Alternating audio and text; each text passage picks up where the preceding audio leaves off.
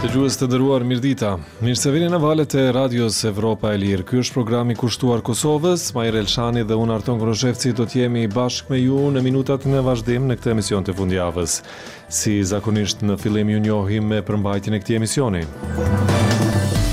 Njohësit e zhvillimeve politike në Kosovë thonë se Albin Kurti ka ambicie panshqiptare. Dhuna mes të rinjve, përtej kërkesave materiale, prindrit duhet të fokusohen në vlera. Qytetarët në Maqedoninë e Veriut ankohen se mungojnë ekzemplaret e pasaportave në dygjuhësi. Që t'i dëgjoni të zgjeruara këto raporte, ju ftojmë të qëndroni me ne në vazhdim. Radio Evropa e Lirë, burimi juaj i informimit. Të dhënat që siguroi Radio Evropa e Lirë nga Policia e Kosovës tregojnë se në vitin 2023 janë evidentuar gjithsej 1992 raste ku të dyshuar për vepra të ndryshme penale Kanë qenë të miturit të moshës katërmbëdhjetë deri në tetëmbëdhjetë vjeç. Fundjavën që shkoi, në Kosovë u raportua për vdekjen e Lulzim Fejzullahut, tetëmbëdhjetë vjeç, i cili paraprakisht u rrah nga dy persona. Ngjarja ndodhi në komunën e Podujevës. Nga ana tjetër, psikologët dhe sociologët thonë se prindërit duhet të kalojnë më shumë kohë me fëmijët e tyre. Në këtë temë e dëgjojmë në vazhdim një raport përgatitur nga Gentiana Kadria. Të gjithë, e sidomos adoleshentët, ka nevojë për një sistem funksional të edukimit, i cili në njërën anë i mëson se dhuna nuk është zgjidhje e problemeve dhe në anën tjetër i mban qytetarë të përgjegjshëm dhe reagues ndaj dhunës, thotë për Radion Evropa e Lirë, Artan Krasniqi, profesor i sociologjisë në Universitetin e Prishtinës. Sipas tij, në këtë qëllim duhet të angazhohen si prindërit, ashtu edhe shkollat. Mendim të ngjashëm ndan edhe psikologja Teuta Danuza. Nuk mjafton, do të thotë që prindërit vetëm t'ia përmbushin kërkesat materiale, do të thotë fëmijëve dhe të jenë prezent ndoshta fizikisht, po mendoj që prindërit ditët e sotme kanë nevojë shumë më shumë të kalojnë kohë me fëmijë. Fundjavën që shkoi në Kosovë u raportua për vdekjen e tetëmbëdhjetë vjeçarit Lulzim Fejzullahu, i cili paraprakisht u rrah nga dy persona. Ngjarja ndodhi në komunën e Podujevës, më katërmbëdhjetë janar. Policia e Kosovës konfirmoi gjashtë ditë më vonë se viktima ka vdekur në Qendrën Klinike Universitare të Kosovës, ndërsa autorët e dyshuar për rrahjen, të dy të mitur, janë ndaluar. Nga raportimet e disa mediave në Prishtinë, zënka mes të rinjve nisi në një flokëtari, ndërsa motivet që çuan në rrahjen me mjete të forta, Nuk dihen. Të dhënat që siguroi Radio Evropa e Lirë nga Policia e Kosovës tregojnë se në vitin dy mijë e njëzet e tre janë evidentuar gjithsej një mijë e nëntëqind e nëntëdhjetë e dy raste ku të dyshuar për vepra të ndryshme penale kanë qenë të mitur të moshës katërmbëdhjetë deri në tetëmbëdhjetë vjeç. Në mesin e tyre dominojnë katërqind e tridhjetë e tetë raste me lëndime trupore.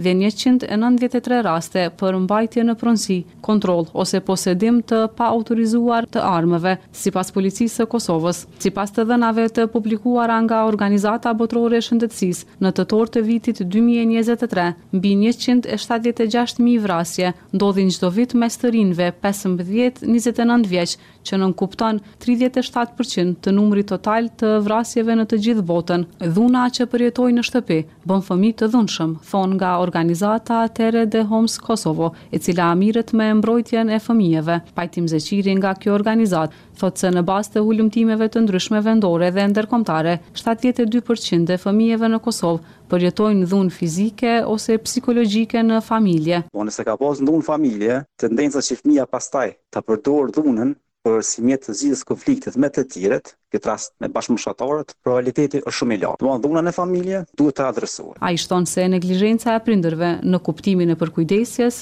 është një nga problematikat më të mëdha në kuptimin e trajtimit dhe menaxhimit të rasteve të fëmijëve që kanë tendenca të shfaqjes së agresivitetit ose dhunës. Gjatë vitit dy mijë e njëzet e tre, Policia e Kosovës evidentoi mbi dy mijë raste të dhunës në familje dhe krahasuar me dy vjetët paraprak, shifrat ishin në rritje. Nuk po japim model se si duhet të zgjidhen problemet në mënyrë paqësore, e jo përmes shpërfaqjes së dhunës ose agresivitetit, thotë Danuza, profesoreshe e psikologjisë në Universitetin e Prishtinës. Prindërit definitivisht duhet të kenë më shumë kontroll mbi fëmijët e tyre, thotë sociologu Artan Krasniqi. kontroll mbi atë se çfarë bartin me vete, ku rrinë dhe çfarë shikojnë në telefonat e tyre, shton ai. Në kohën e bumit digjital dhe të rrjeteve sociale, Krasniqi thotë se duhet gjetur mënyra për të mposhtur konkurrencën aspak të drejtë me mediat sociale, ku fëmijët mund të marrin shembuj të këqij se si të sillen. Në këtë aspekt, sipas tij, edhe shkolla duhet të ketë rolin prijës në edukimin e një qytetari të përgjegjshëm, dhe jo të dhunshëm. Krasniqi thotë po ashtu se sistemi i drejtësisë në vend duhet të punojë më shumë që të ngjizë te qytetarët bindjen se secili që kryen një vepër të dhunës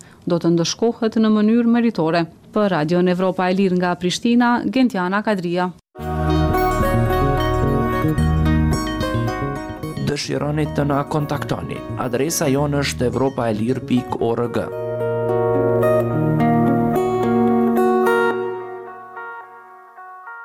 Përfshirja e anëtarëve të Lëvizjes Vetëvendosje në zgjedhjet parlamentare të tetë majit në Maqedoninë e Veriut ka hapur debate lidhur me qëllimet e kësaj partie. Vetëvendosje nuk është regjistruar në këtë shtet dhe nuk do të garojë si parti, por siç thonë nga kjo parti anëtarët e saj që janë nënshtetas maqedonas kanë të drejtat e tyre sipas ligjit, Në vendet ku janë nënshtetas, njohësit e zhvillimeve politike kanë pikëpamje të ndryshme nëse një gjë e tillë është përzierje në punët e brendshme të shtetit fqinj. Megjithatë, ekzistojnë mendime se Kurti ka ambicie panshqiptare, vijon kronika e Bekim Bislimit. Lëvizja Vetëvendosje nuk është e regjistruar si subjekt në Maqedoninë e Veriut dhe nuk është duke kërkuar pushtet atje, thonë zyrtarë të kësaj partie për Radion Evropa e Lirë. Megjithatë, ata pranojnë se partia e cila udhëhiqet nga kryeministri i Kosovës Albin Kurti, bashkëpunon me parti të caktuara në Maqedoninë e Veriut, dhe se anëtarët e saj me shtetësi maqedonase do të marrin pjesë në zgjedhjet e atjeshme parlamentare që do të mbahen më tetë maj të këtij viti. Vetë kryeministri Kurti, pas një konference për Ballkanin Perëndimor, që u mbajt në Shkup më njëzet e dy janar, siguroi se Vetëvendosja si parti nuk do të marrë pjesë në ato zgjedhje. Së pari i përket qytetarëve këtu. I përket partive politike që të vendosin nëse do të kenë kandidat e kush do të jetë ai ose ajo. Në fund të dhjetorit të vitit të kaluar tri partitë shqiptare në opozitë në Maqedoninë e Veriut, Lëvizja Besa, Alternativa dhe Lëvizja Demokratike, paralajmëruan listë të përbashkët zgjedhore për zgjedhjet e tetë majit. Bekim Qoku nga Lëvizja Vetëvendosje, i cili ka dhe shtetësinë maqedonase tha se partia e tij do t'i bashkohet kësaj liste. Unë sot jam këtu për të inicuar bashkëpunimin tonë si Lëvizja Vetëvendosje, një lloj shtylle e katërt e këtij koalicioni tashmë të etabluar këtu. I befasuar me këtë angazhim të Vetëvendosjes në zgjedhjet në Maqedoninë e Veriut, u shpreh kryeministri i këtij vendi, Dimitar Kovaçevski, Njëherësh kryetari i Lidhjes Socialdemokrate, Kjo mendoj se nuk paraqet një dinamikë të dëshiruar, tha ai më njëzet e pesë dhjetor. Me gjithë përpjekjet, Radio Evropa e Lirë nuk arriti të bjerë në kontakt me Qokun për të kuptuar më shumë se cilat janë qëllimet e tij. Por Lëvizja Vetëvendosje sipas zëdhënësit të saj Arlind Manxhuka, deklaratat e përfaqësuesve të saj, njëherësh zyrtarë të pushtetit në Kosovë, Nuk i sheh si ndërhyrje në punët e brendshme të Maqedonisë së Veriut. Lëvizja Vetëvendosje ka simpatizantë dhe anëtarë me etni shqiptare por edhe me etni tjera. Belgzim Kamberi nga Instituti për Politika Sociale, Musine Kokalari në Prishtinë, thotë se përfshirja eventuale e anëtarëve të Lëvizjes Vetëvendosje në zgjedhjet në Maqedoninë e Veriut, sipas tij mund të ndikojë në raportet ndërshtetërore. S'ka lidhje a regjistrohet a nuk regjistrohet, në momentin që po merr pjesë kandidati i partisë në pushtet në një shtet tjetër. Por ndryshe mendon njohësi i çështjeve politike në Maqedoninë e Veriut, Petar Arsovski. Sipas tij, bashkëpunimi i partive në Maqedoninë e Veriut me partitë apo organizatat jashtë vendit nuk është risi nga e cila duhet pasur frikë. Mi të enesht o të kojë tëra dhe me faqe pane qënë skarë. Kjo nuk duhet të na preokupojë shumë. Duhet t'i shohim përcaktimet ligjore dhe sundimin e ligjit për atë se kush mund të kandidojë dhe nëse ndonjë bashkëpunim me parti të jashtme ndikon apo paraqet përzierje, në politikën tonë të brendshme. Nëse këto dy kushte plotësohen, atëherë çdokush është i lirë të garojë në zgjedhje, që në fakt është edhe e drejtë e garantuar me Kushtetutë, thotë Arsovski për Radion Evropa e Lirë. Sipas analistit tjetër nga Shkupi, Xhelal Neziri, deri më tash nuk ka ndodhur që partitë nga jashtë të përfshihen drejtpërdrejt në ndonjë garë zgjedhore në Maqedoninë e Veriut. Ai shpreh dyshimin se në të ardhmen kjo situatë mund të shkojë një hap më tej. Nëse kjo do të ndodhë, që Vetëvendosje të themelohet në Maqedoninë e Veriut dhe të garojë si e tillë këtu dhe të kontrollohet dhe të drejtohet faktikisht nga ana e zotit Kurti që aktualisht është kryeministër i Kosovës, në atë rast do të kishim një presedant të rrezikshëm për rajonin. Për zgjedhjet parlamentare në Serbi, të cilat u mbajtën më shtatëmbëdhjetë dhjetor të vitit dy mijë e njëzet e tre, Lëvizja Vetëvendosje dhe lideri i saj Albin Kurti mbështetën Shaip Kamberin e Partisë për Veprim Demokratik. Ai është i vetmi politikan shqiptar nga Lugina e Preshevës në jug të Serbisë, i cili fitoi mandatin e deputetit. Për Radion Evropa e Lirë nga Prishtina, Bekim Bislimi. Në vazhdim, kronika nga rajoni.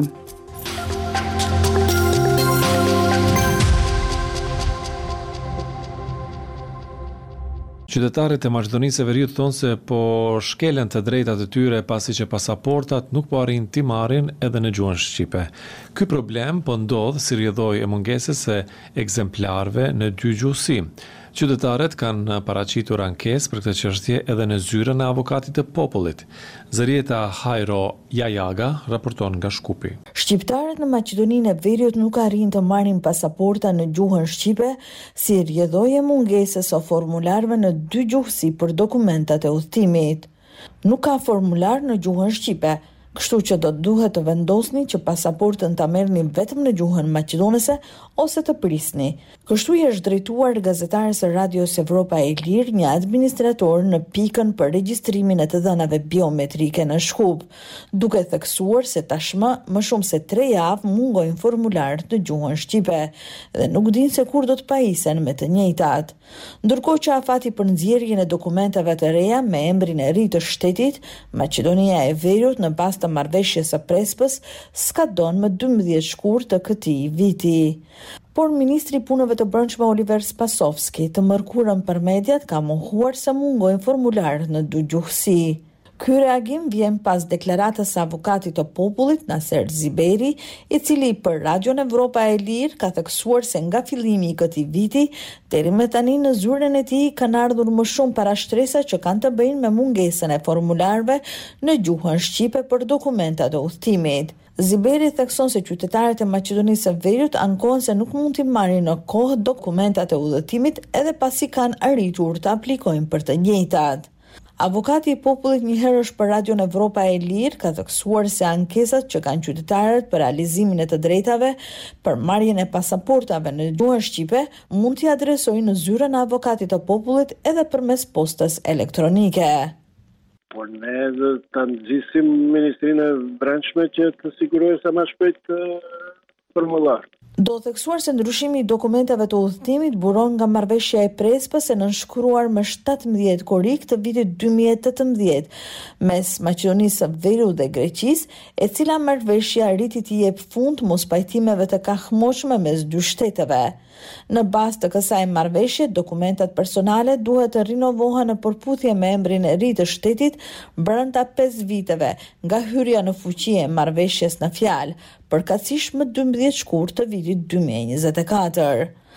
Afati i ngushtë kohor për ndryshimin e dokumentave personale ka bërë që të krijohen radhë të gjata para sporteleve për të aplikuar ku merren të dhënat biometrike.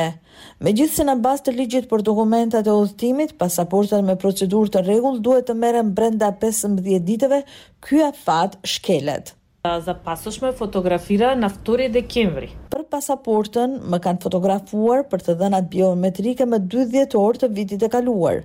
Tashmë katër herë jam duke pritur që të marr pasaportën dhe më thonë se nuk është gati, thotë Pellagia nga Shkupi. Ndërsa ata që kanë aplikuar me procedurë të përshpejtuar për marrjen e pasaportës, dhe kanë paguar tre fish më shumë, gjegjësisht njëqind euro, pasaportat në bazë të ligjit duhet t'i marrin brenda dyzet e tetë orëve, por edhe ata që kanë paguar më shumë nuk arrijnë t'i marrin pasaportat edhe pas një jave. Ndryshe në bazë të dhënave të Ministrisë së Punëve të Brendshme, deri më gjashtëmbëdhjetë janar me letërnjoftime janë pajisur një milion e pesëdhjetë mijë qytetarë, përderisa me pasaporta një milion e dyqind e njëmbëdhjetë mijë qytetarë. Për Radion Evropa e Lirë nga Shkupi, Zërijeta Hajro Jahjaga.